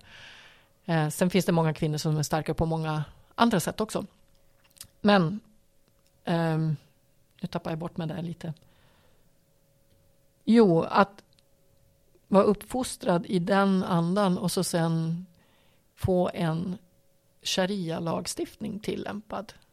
Där det bland annat står att en kvinnas röst är bara värd hälften av en mans i en rättegång. Och att en kvinna inte har rätt att bestämma över sina barn. Utan alltså att hon måste ha en manlig förmyndare och att det är mannen som, som så att säga har rätten till barnen om de skulle skiljas. När du samtidigt är uppfostrad att vara jämlik. Det blir ju jättekonflikt. Sen tar jag med mig att, eh, att vi är alla lika. Alltså att utifrån att ja, det finns extremister och rasister i Iran. Det finns det också i Sverige. Och det jag tycker är jättespännande med det, det är att oavsett var du är så tenderar ju faktiskt de som uttrycker rasistiska och som är mer grovt rasistiska om man får säga så. De tenderar också att nedvärdera kvinnor. De tenderar att vara homofober. Och det spelar ingen roll vart i världen jag kommer, det är samma drag. Och det där tycker jag är jättespännande, för för mig säger det ju bara att ja, men människan funkar ju likadant. Oavsett vart vi är. Sen finns det ju den stora mängden är ju inte där, alltså i rasism, homofob, kvinnoförtrycks eh, träsket då, som jag skulle vilja säga, utan de flesta är ju på, någon, på, en annan, på ett annat ställe så att säga. Men att det är ingen större skillnad på rasism och rasism. Jag är på att säga, den vänder sig ju bara mot den jag inte är. Så att säga, den som inte tillhör min grupp. Och för mig betyder ja men vi är människor. Vi funkar likadant förändrades din syn kring islam eh, i, i synnerhet och religion mm. i allmänhet? För det är ju religionen som, på, som i så fall påverkar jo. Eh, styret i, i Iran. Då. Jag tänker på Ayatollah Khamenei. Jag läste artiklar i Financial Times att eh, hans affärsimperium i Iran är värd 40 miljarder euro har jag för mig. Jag kommer inte ihåg dimensionen. Men väldigt mycket pengar. Eh, det fanns till exempel en familj jag bodde hos i Iran. Där jobbade mannen i den familjen med upplysning i skolan eh, om droger. Och droger är ju någonting som är förbjudet i Iran på grund av religiösa skäl, hävdas det. Eh, den här mannen hävdar något helt annat. Och han berättade om förtryck ifrån regimen för att han pratade om droger. Och anledningen som han angav för det, det är att det är ju regimen som bedriver droghandeln och eh, tjänar pengar på det. Och anledningen att det är förbjudet, det är att de vill ha monopol. Det är hans version. Om det är sant eller inte, eh, jag har inte grävt i det. Källkritik är ju faktiskt relevant i dagens samhälle. Eh, men det jag vill säga med det, det är att det finns en aspekt på religion i form av makt och i form av ekonomi där det egentligen är makten och ekonomin som är det viktiga. Och sen utövas det i religionens namn. Och ja, jag träffade sådana människor, så att säga. Sen träffade jag också människor som var varmt troende som muslimer. Att verkligen uttryckte och levde att ja, men som muslim så får jag inte kröka ett hår på en människas huvud. Jag får inte ens bryta en gren från ett levande träd. Det är emot min religion. Och att det fanns en väldig det finns även dimensionen varm, kärleksfull, omhuldande religion i islam. Så om man säger en av de största sakerna det är det där lilla löjliga. Ja, men I Sverige är vi 10 miljoner. Vi säger att vi är ett kristet land. Ja, men det betyder ju inte att, att alla är kristna. Det betyder att vi har 10 miljoner olika inriktningar på om jag överhuvudtaget kallar mig för kristen eller hur jag är kristen om jag nu skulle vara det. I, i Iran finns det 80 miljoner människor. Det går inte att klassificera utifrån islam. Men min insikt blev ju att ja, det finns islam en del använder det som maktmedel. Det finns också de som har blivit varmt troende och anammat islam om man då ser det historiska perspektivet mot persiska riket.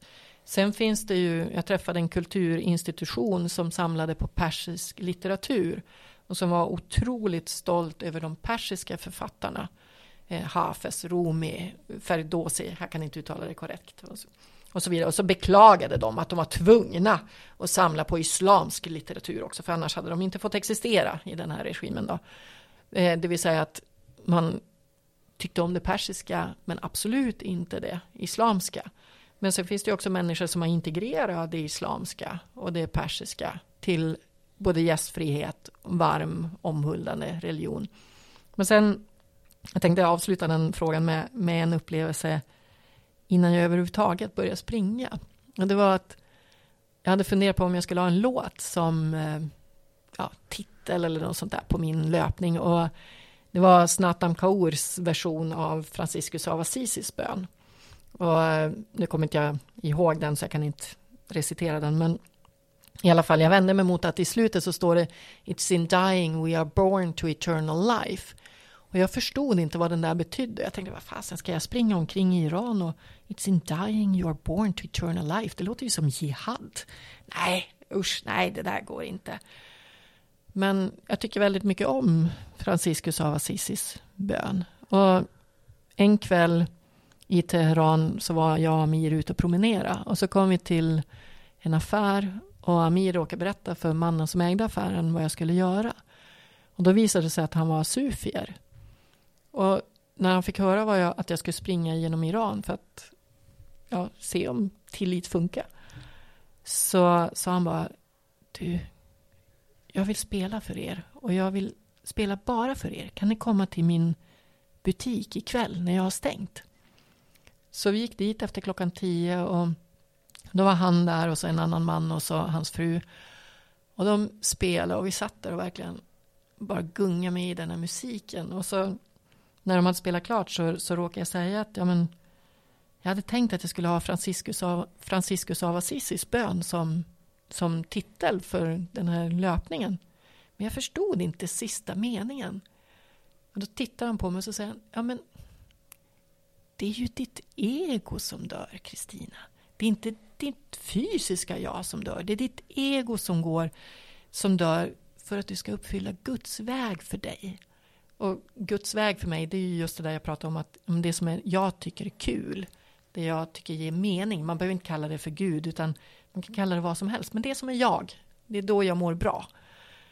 Så att en sufier, som då är en uttryck av islam, sitter och förklarar för en kristen, en katoliks bön som är inspelad av en sik i Teheran, det tyckte jag var Så otroligt häftigt. Och sen har jag läst lite om mysticism. Och mysticism är ju faktiskt en gren av alla de stora världsreligionerna där religionerna egentligen säger samma sak. Och där det är enhet med Gud. Och för mig är det ju att leva mitt livs mening. Det är ju just att jag väljer att kalla mig för troende då. Men man behöver absolut inte göra det. Men men enheten med Gud, det är just det där, det som ger mig glädje. Det är som, ja men, att du spelar in poddar för att du tycker det är roligt. För mig är det Gud i dig. Det är ju det, det du föddes med och fick med dig att, ja men det här gillar jag. Och så gör du det. Och ja, då tänker jag, ja men då lever du Guds vilja med ditt liv. Och om man då sen kallar det Gud eller inte, skitsamma. Ja, det där är ju eh, superintressant om vi kommer in på det här med religiösa frågor. Någonting som jag reflekterat över ganska ofta det är ju att eh, det är väldigt svårt att diskutera religiösa frågor. Alltså det är ju ingenting man gör på en arbetsplats direkt. Nej. Eh, och det är sällan man gör det med kompisar också. Eh, har du någon tanke kring varför det är så svårt att prata om? Jag vet inte. Och det är ju ungefär som att prata politik. Det är ju jättesvårt. Och varför? Jag tycker det är en väldigt bra Och jag vet faktiskt, jag tycker... Nej, jag förstår inte det. För på något sätt är det ju... Är det för att vi tycker olika? Men samtidigt, det är väl okej att vi tycker olika? Jo, men vi kan tycka olika i eh, fråga om man ska köra en Volvo eller en eh, Opel. Eller man kan tycka olika om eh, vilka hus man ska ha. Och man kan tycka olika om vilket jobb man ska ha. Man kan tycka olika om hur man ska hantera sina medarbetare. Och det finns ju massa saker vi kan tycka olika om som vi kan diskutera. Ja. Stort och smått. Men jag upplever eh, att det, när du kommer in på religiösa frågor så blir det väldigt slutet. Jag håller med. Och jag tycker också, jag menar, att, att prata om, i alla fall i de kretsar där jag brukar vara, att prata om andlighet upplever jag är mer okej än att prata om religion. Det är någonting som tar emot där i religionen. Jag vet inte, är det för att det är starkt värderingsstyrt på något sätt? Eller? För nu kommer jag in på lite eh, en personlig grej, men jag upplever också att det är, många tycker att det är oerhört provocerande om man säger att "Ja, men jag tror inte på någonting. Alltså, eh, jag nästan så att man säger att "Ja, men jag är ateist, jag, jag tror inte på det där överhuvudtaget. Nej. Då, då blir det väldigt tyst. Ja, okej. Ja. Nej, Jag tänker bara, ja men då får du väl tro så.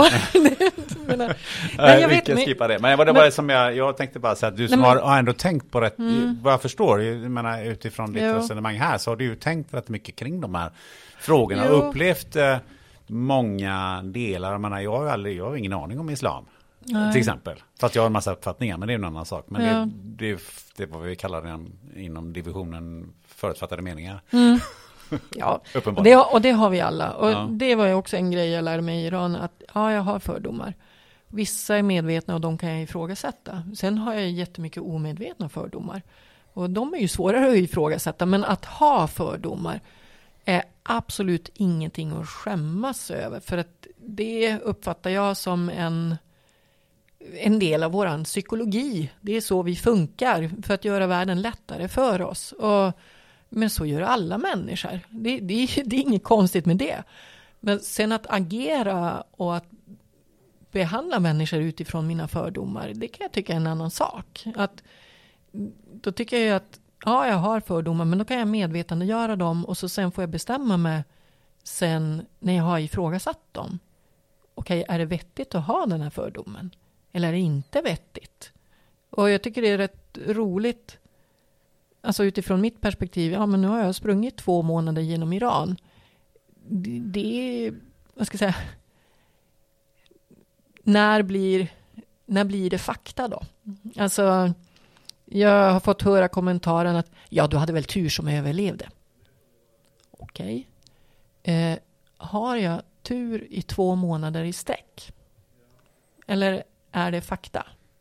Eller, ja, jag tycker den frågan är jättespännande. Men tillbaka till det här med religion. Att jag, jag tänker att jag vet inte varför det är så svårt att prata religion. Jag vet inte varför det är så svårt att prata politik. Jag kan undra ibland. Tömmer det ut innehållet ur livet att inte prata om det? Men på något sätt så tänker jag att ja, men det är ändå djupa värderingar som är viktiga. Och är vi konflikträdda? Eh, är det därför vi inte pratar om det? Men, men samtidigt så... Ja, men om, om jag inte... Om jag alltid befinner mig på ytan, alltså om du har en Volvo eller en Renault, ja men det är väl ändå skitsamma, det är en bil. Alltså, who cares egentligen? V- vad blir innehållet i livet om jag alltid bara är på ytan? Alltså, om jag skulle prata, jag behöver inte kalla det för religion, jag behöver inte kalla det för politik, men om jag skulle prata om vad är mina värderingar? Vad är viktigt? Vad är verkligen, vad är det som gör mig levande. Det är ju jätteviktigt, tänker jag, att inte få prata om det eller, ja, eller kanske bara klä det i andra ord. Det, det vore ju katastrof i mitt liv om jag inte skulle... Som, som jag upplever mig själv så, så upplever jag ju den värdering jag har, eller jag lever mina värderingar. Och jag väljer att inte alltid kalla det för religion eller Gud eller så, för att jag vet att många andra backar och inte hör när jag säger det ordet. Men att inte leva det, alltså, för mig funkar inte det. Hi, this is Craig Robinson from Ways to Win, and support for this podcast comes from Invesco QQQ. Invesco QQQ is proud to sponsor this episode and even prouder to provide access to innovation for the last 25 years. Basketball has had innovations over the years too. We're seeing the game played in new ways every day. Learn more at Invesco.com slash QQQ. Let's rethink possibility. Invesco Distributors, Inc. Ryan Reynolds here from Mint Mobile. With the price of just about everything going up during inflation, we thought we'd bring our prices down. So to help us, we brought in a reverse auctioneer, which is apparently a thing. Mint Mobile unlimited premium wireless. Ready to get 30, 30, bit to get 30, bit to get 20, 20, 20, bit to get 20, 20, bit to get 15, 15, 15, 15 just 15 bucks a month. So, Give it a try at mintmobile.com slash switch. $45 upfront for three months plus taxes and fees. Promo rate for new customers for limited time. Unlimited more than 40 gigabytes per month. Slows. Full terms at mintmobile.com. Many of us have those stubborn pounds that seem impossible to lose, no matter how good we eat or how hard we work out. My solution is PlushCare. PlushCare is a leading telehealth provider with doctors who are there for you day and night to partner with you in your weight loss journey. They can prescribe FDA-approved weight loss medications like Wagovi and Zepbound for those who qualify. Plus, they accept most insurance plans. To get started, visit plushcare.com slash weight loss. That's plushcare.com slash weight loss. Jag tänker på det att, ehm, att vara levande. Eh, Det för mig eh, lite grann till, till dina TED-talks. Som jag kan upple- eh, uppmana lyssnarna att verkligen kolla in. ehm, som finns på YouTube. Ehm, och då finns det en grej som jag reagerar på. Ehm, och det är att i början av ett av de här eh, talen som du håller så säger du följande. Eh, when I grew up I was afraid of being seen because if someone saw me they might realize that I was a mistake. Vad Det är innebär det? grymt, eller hur? Ja. Nej, men det är, ja, jag pratar ju om den här prestationsångestbaserade. Och eh, som jag upplevde det då, så var det, om man ska vara hårdra det, så att det var inte så att jag var bra om jag hade 99 av, eller om jag hade 100 av 100 på provet, alltså i skolan så att säga. Att då Men nu pratar vi om ganska tidig ålder. Ja, ja, det är väldigt tidig ålder. Och, utan det jag på något sätt hade skapat mig en uppfattning om det var att jag kan aldrig bli bra. Jag kan bara undvika att vara dålig. Och det är ju en väldigt hemsk eh, syn på sig själv. Alltså att om jag lyckas ha 100 av 100 på provet så kan jag undvika att få pisk. Inte att jag skulle vara bra, utan att jag bara undviker att vara dålig. Och leva med den... Nej, fy fan, säger jag bara. Ursäkta, men svordomen, men... Nej, det är inte ett liv. Nej. Och jag tror att det hänger samman med att som jag sa, det finns bra sidor och dåliga sidor på allt. Alltså den här målsökande roboten att ja, jag vill prestera, jag vill leverera. Jag tycker det är kul. Och när jag gör det i kärlek, då mår jag bra. När jag gör det i rädsla att inte duga, då är det fruktansvärt destruktivt. Och då går det ut över mig och över andra, för då mår inte jag bra. Så jag skulle säga att den där palten, alltså den där gråtråkiga, det var ju min upplevelse av mig själv att, vad var det du sa att jag hade sagt där i slutet? Eh, I was a mistake. I was a mistake. Ja, det var ju upplevelsen att i was a mistake och låt ingen upptäcka det. Prestera så in i den milda grad att ingen kan upptäcka att jag är ett misstag. Men när jag då insåg att men vänta nu, jag är ju ingen misstag. Alla människor finns ju kvar där och älskar mig även när jag misslyckas. Så börjar ju en transformation och en förändring mot att, ja men vänta nu, jag är bra oavsett om jag lyckas eller misslyckas. Och det finns en massa saker jag vill åstadkomma här i livet. Och jag vill åstadkomma dem för att jag vill åstadkomma dem, inte för att någon annan vill det. Men den bilden att du var ett misstag, det är ju ingenting man föds med. Nej, och under en lång del av mitt liv, och det känns jättetaskigt, så försökte jag skylla det på mina föräldrar. Samtidigt så tänker jag att bli vuxen handlar om att faktiskt inte skylla allting på sina föräldrar längre, utan att vad ska jag säga, ja men nu, nu, vad gör jag för att leva det liv jag vill ha? Och visst, jag kommer ihåg ögon, jag minns till exempel att eh, jag var ju bäst i klassen på alla ämnen. Och när vi då i fyran fick det nya ämnet geografi så bestämde jag mig för att nej, jag behöver inte vara bäst på det. Det räcker. Och när vi då sen kom till kvartsamtalet så säger ju läraren till mamma att vet du, Kristina hon är så duktig. Hon är så bra på allt. Men inte på geografi.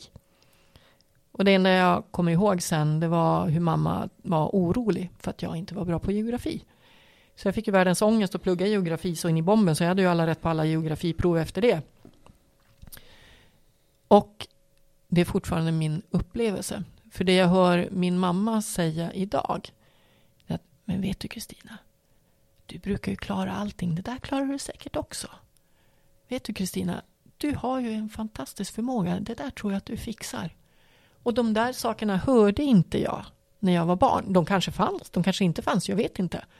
Men någonting i mig var ju blockerat så att jag inte, om det nu fanns, att jag inte hörde det. Så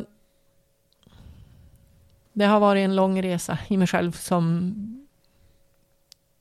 jag ska säga, delvis hänger ihop med skilsmässan. Jag hade börjat i terapi innan. Och terapi, alltså om man säger äventyr, gud, då ska jag säga det största äventyr man kan ge sig ut på. Det är inte springa genom Iran, det är gå i terapi. Eh, resan i sig själv. Och, på vad ja, sätt då? Oh, det finns så mycket som jag inte vill kännas vid, så mycket som jag vill kasta på andra och så mycket som, som är jag, men och även det här att jag vet, alltså att, och då pratar jag om saker som jag tycker är fula, så att säga. Men, men jag vet, första gången jag fick en stående ovation på, på eh, en föreläsning, då klarade inte jag av att stå kvar på scenen. Jag bara pep ner. jag kunde inte ta emot det. Och där tänker jag också, tillbaka till det här talet från Nelson Mandela som en del säger att det inte är Nelson Mandela som höll, men att han säger our biggest fear is not that we are inadequate. Our biggest fear are that we are, alltså att vi är, att vi är så fantastiska som vi är. Och den rädslan är ju rätt häftig att få möta också. Att, och jag tänker att när jag har gjort mig av med alla rädslor, både rädslan för att vara dålig och rädslan för att vara bra. Då kan jag ju vara den jag är. Men jag tänker att du svarar inte riktigt på den frågan ja. här eh, som jag ställde förut. För du sa att ja, man kan inte skylla allting på sina föräldrar. Mm. Men menar du då att det var du själv som redan som väldigt liten byggde upp det här att mm. Jag ska ha alla rätt. Eh, jag ska bygga ett eh, exakt fyrkantigt sandslott. Eller vad det nu kan det vara för någonting som mm. man gjorde som man var barn. Någonstans så måste det komma ifrån. Mm.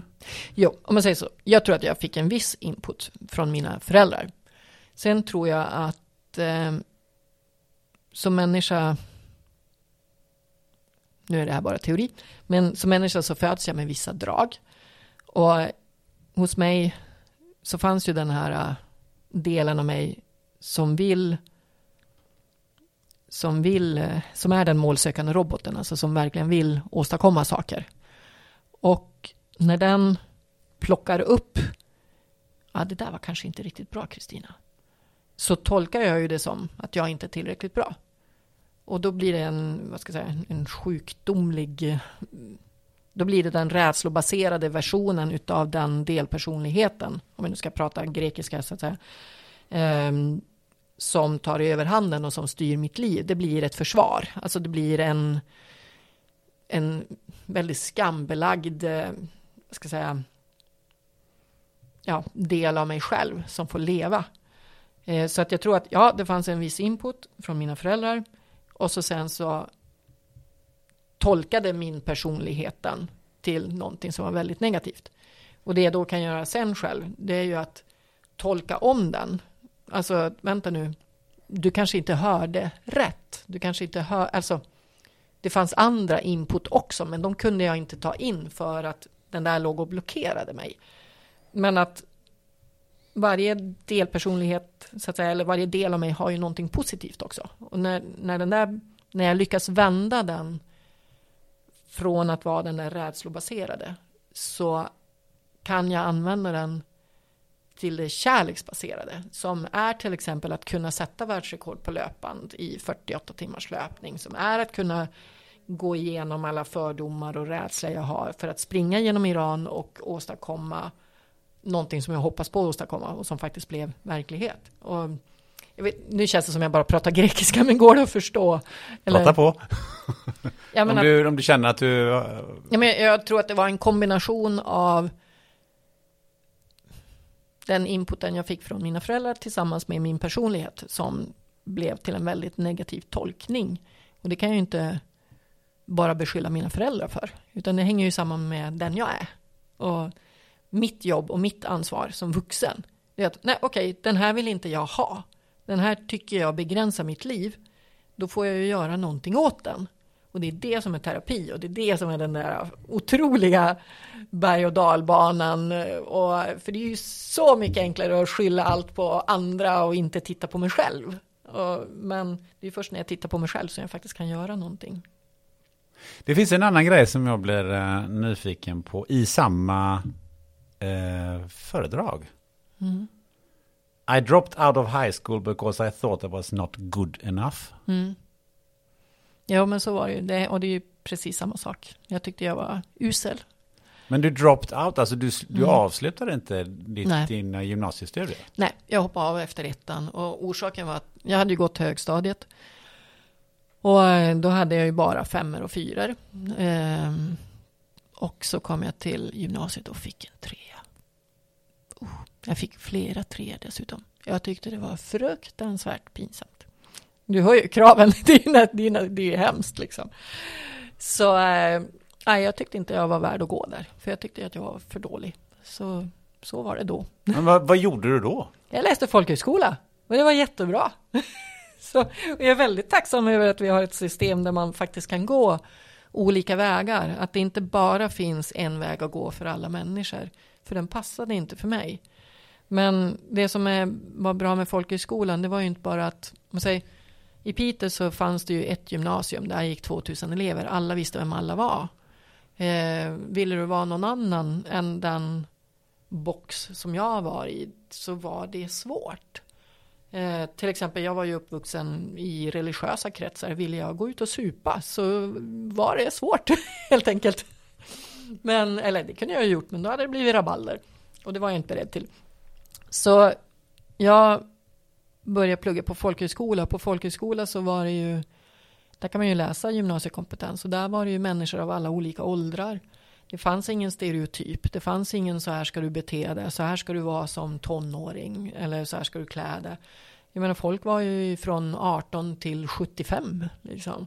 Och hade alla möjliga bakgrunder. Det var bibelstuderande och det var alkoholister och det var, alltså, det var allt. Och då fanns det ju helt plötsligt inte någonting jag skulle passa in i. Då kan jag ju vara mer den jag vill vara.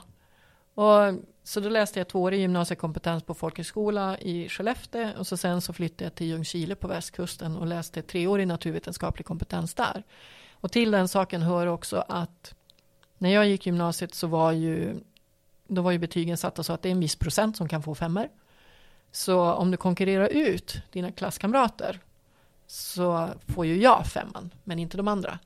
Men på folkhögskolan så var betygen satta utifrån sju stycken kriterier. Ett kriterium var förmåga att samarbeta. Det vill säga du kan inte konkurrera ut andra för då får du ett dåligt betyg. Och jag tyckte att det var mycket mer vettigt. Att jag ville mycket mer ha samarbete.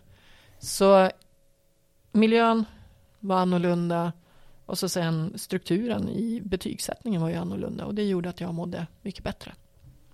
Det känns som att eh, det där var någonting som formade delar av det som du är idag. Ja, jag tror väl det. Och jag tror väl att det finns en del i min historia som jag inte har förstått hur det formar mig. Jag brukar säga att mycket kommer i samband med skilsmässan, men det kanske kom redan innan. Att jag ville inte... Jag passar ju inte in i den normala strukturen. Och det visar ju på ett sätt det här gymnasieavhoppet. För att jag upplevde att ja, jag gjorde det för att jag inte mådde bra. Det gjorde jag för att jag hade för stora krav på mig själv. Men jag tror också att det bidrog till att jag hamnade i en värld med större frihet. Och egentligen så tror jag ju att jag någonstans undermedvetet längtar efter det där. Men inte medvetet. Och så såg jag till att jag hamnade där i alla fall. Nu har vi pratat om hur eh, livet har format dig och jag tycker att vi ska avrunda med att prata om hur du ser att du vill forma livet framåt. Ja, gud, det där är ju spännande. Eh, när jag står där och berättar om Iranlöpningen som föreläsning så brukar det alltid komma frågan, vad är ditt nästa äventyr? Och eh, då brukar jag bli lite less på den. det var därför inte jag ställde den frågan. Ja, Okej, okay, ja, vad bra. Därför i den hör jag, ja men vad, vad, vad är nästa fysiska äventyr ute i naturen? Alltså typ springa genom Iran eller Sydafrika eller inte vet jag. Men äventyr kan beta, betyda så otroligt mycket och just nu är mitt är mitt i ett äventyr men ett helt annat slags äventyr. Och det är att som löpare så har jag lärt mig att jag behöver vara fokuserad på vad jag vill åstadkomma. Inte inte fokusera på rädslan och där är ju rädslan att bli trött, att inte orka, att inte komma fram, att bli hungrig eller dålig eller så. Utan jag behöver fokusera dit jag vill. Och jag tyckte att, eller jag tycker väl att om jag tittar på politik i Sverige så, så saknar jag ju visioner. Jag menar många pratar om nuläge, att vi ska ha skattesänkning hit eller skattesänkning dit. Ja men var, vart ska vi då? Vart ska vi som land? Och vad är visionen om Sverige om hundra år eller om världen? Och, och ja, ja, sen tillhör ju att jag sprang genom Iran och där uppfattade jag att okej, okay, vi nådde det finns en dokumentär, det finns böcker på sju olika språk. Jag vet inte hur många föreläsningar jag har hållit och hur många artiklar det finns, men massor. Så vi har nått över 40 miljoner människor med, med, med den löpningen. Och när jag säger vi så är det ju, menar jag, medförfattare, det är folk som har producerat filmen, det är människor som har hjälpt mig på olika sätt. Så det är möjligt att påverka. Och jag tror ju på människans, som jag ser det, oändliga kapacitet. Det som lägger en gräns är rädsla, det som för framåt, det är passion, kärlek och så vidare. Eh, så vi kan åstadkomma vad vi vill. Och vad är då, vart vill vi då med världen, tänker jag? Och vad är visionen för den? Så jag och min man, vi har ju definierat vår egen vision och den är en hållbar planet där varje människa har möjlighet att skapa sitt eget liv. Och mer konkret så innebär det ju att jag skulle vilja se ett välfärdssystem som omfattar alla människor på jorden. Jag ser ingen anledning till att ja, men bara för att du lever i Zaire eller Bangladesh eller i Sverige så ska du ha olika vad ska jag säga, förmågor eller möjligheter att förverkliga ditt liv. Utan jag skulle vilja att alla människor har det. Sen är vi ju ganska många människor och en normal svensk behöver ju fyra jordklot för att, vad ska jag säga, eller vi lever ju i Sverige som att vi behöver fyra jordklot för att uppfylla våra behov. Alltså kan vi inte leva riktigt som vi gör. Vi behöver ändra det. Därför behöver det globala välfärdssystemet basera sig på en korrekt ekonomi, alltså en ekonomi som verkligen tar våran planet i beaktning, alltså ekologisk ekonomi. Så välfärdssystem, ett globalt välfärdssystem, en ekologisk ekonomi är då sättet att komma dit. Så tänker jag, och det kan vara helt fel, men eh, jag hoppas på att lära mig jättemycket så att jag kan verkligen verka för det där. Och för att komma dit då så bestämde jag mig för att bli aktiv politiskt. Så, och så gillar jag ju utmaningar. Så att jag hade hittat ett parti som motsvarar mina värderingar. Och jag engagerade mig i det och tyckte att det var väl ganska tråkigt. Det hände ju inte så mycket. Men så skulle gruppledaren i partiet i, på Värmdö då, där jag bor. Han behövde sluta och så behövdes det en ersättare. Och jag var ju totalt oerfaren och tyckte, ja men gud, det där låter bra. det vill jag köra på. Jag gillar ju utmaningar. Så eh, just nu har jag blivit kommunalråd och ordförande för tekniska nämnden och jag har suttit i en hel månad. Jag lär mig massor. Eh, det är jättespännande och jättejobbigt. Och ja, men det får väl vara det i början för att jag ska lära mig så att jag kan gå mot den där visionen som jag och min man har satt. En hållbar planet där alla människor har möjlighet att skapa sitt eget liv. För det är det jag vill verka för och det är dit jag vill. Och det är ett äventyr att ta sig dit. Det känns ju som att eh, vi kanske inte inom allt för lång framtid kommer att se det kanske i riksdagen till och med. Det vet inte jag. Alltså, jag kan ju fundera ibland, alltså om jag är kritisk mot mig själv. Jag har lokalpolitik på Värmdö och hållbar planet, Kristina. Det är lite olika dimension däremellan. Har du verkligen valt rätt väg? Och det vet inte jag. Men jag tycker det är bättre att göra någonting än att bara sitta och vänta. För om jag gör någonting då kan jag ju utvärdera och så korrigera. Så jag vill hitta vägen till att åstadkomma det där. Om det då sen är via riksdagen eller om det är via, inte vet jag, att vara författare eller, ja, eller jag har ingen aning. Men jag jobbar på att hitta vägen och det så är det ju i ett äventyr. Man vet inte vägen från början utan jag behöver hitta vägen. Det låter väldigt spännande. Det känns som att eh, vi får ta en ny omgång i den här podden om ett antal år. Så se hur den vägen har utvecklats. Eh, våran väg i det här avsnittet har eh, eh närmat sig sitt slut. Jag tänkte kolla med dig lite eh, hur du känner att det här har varit. Oh, det var lite omtumlande. Vi hamnade inte alls där jag trodde. Men det är så livet är. Och så det Ja, det höll jag på att säga emot mig själv. Jag tänker att jag gillar ju målfokusering. Samtidigt så finns det ju också, tror jag, en dimension att livet vill åt någon, något håll.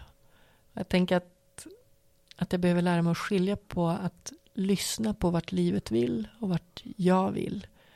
Och om de båda vill åt samma håll, då är det bra. Och det ville vi då? Ja. ja. Vad härligt. Eh, om du skulle vilja ha hit någon annan eh, till den mikrofonen du sitter i just nu, som ju också skulle följa någon väg, vad den nu kan bli. Vem, vem tycker du det skulle vara? Mm. Jag tycker det vore jättekul att få hit Pontus Strimling, eh, som har forskat på svenska värderingar. Det är väldigt spännande. Eh, sen tänker jag också på Jo, men jag läser en kurs just nu på Stockholms universitet och ja, då tänker jag på han Thomas Hahn som hade en föreläsning om just ekologisk ekonomi. Mm. Det vore väldigt spännande. Och ifrågasätter BNP som ständig tillväxtguru, höll jag på att säga. Den, eh, för vad betyder välfärd egentligen? Handlar det om enbart ekonomi eller handlar det om annat? Mm. Bra, två eh, spännande och intressanta eh, tips som jag absolut inte själv hade kunnat lista ut. det var ju tur att jag frågade dig. Eh, om man nu vill följa dig eh, på din väg framåt eh, och naturligtvis även kolla in det som du har gjort bakåt. Eh, hur gör man bäst då? Palten.se. det, det är jag. The home of everything. jo, och annars är det bara att googla Kristina Palten. Det finns ju inte så, så många Palten på jordklotet. Nej, precis. Och du finns ju i de flesta sociala medier. Eller? Jo, det gör jag. Kristina Palten, ett stort, stort tack för att du ville dela med dig alla dina tankar i den här podden. Tack för att jag fick komma och vara med. Du har lyssnat till avsnitt 109 av podden Spännande möten. Häng gärna med i flödet på Instagram, Facebook eller på LinkedIn. Vill du veta mer om mig, vilka andra poddar jag jobbar med eller hur du kan stödja den här podden? Då surfar du helt enkelt in på hemsidan spannandemoten.se. Om två veckor kommer givetvis ett nytt avsnitt. Det allra första i nådens år 2022. Då blir det ett kärt återseende med den så populära professorn i hälsopsykologi Magnus Lindvall. Och ämnet är högaktuellt, nämligen hur vi hanterar den pågående pandemin. Jag kan redan nu utlova ett högprofilerat avsnitt med fantastiska analogier, kritisk granskning och tydliga ställningstaganden. Missa inte det! Till dess så sätter du dig med en vän i soffan, tar något mustigt att dricka och funderar på vad som är viktigast på julbordet. Sillen eller julskinkan? Ha det gött!